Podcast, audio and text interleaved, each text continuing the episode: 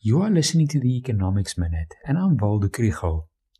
Last week's GDP growth figures, the increase in business confidence, and the current account surplus are all good reasons to be optimistic about the economic outlook. But if you want to stay up at night worrying about the economy, what are the things you should be concerned about? Hilary Joffe has made a few suggestions in the Business Times of the Sunday Times. The first is that growth may not be as fast as it looks. A part of the unexpectedly strong growth in the first quarter has to do with the revision of mining data.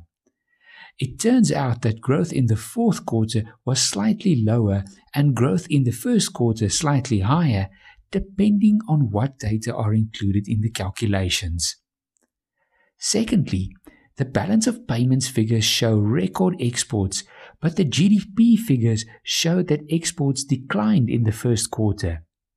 The trade figures are high because commodity prices are high, but the GDP figure is lower because volumes have not been growing by that much. Also, investment spending has declined, especially investment by the private sector.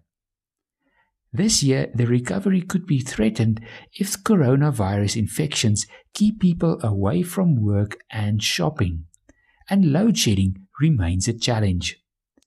I don't think we need to lie awake too much about the economy this year, but we should rather worry about the reforms that need to happen now to ensure growth in 2022 and beyond.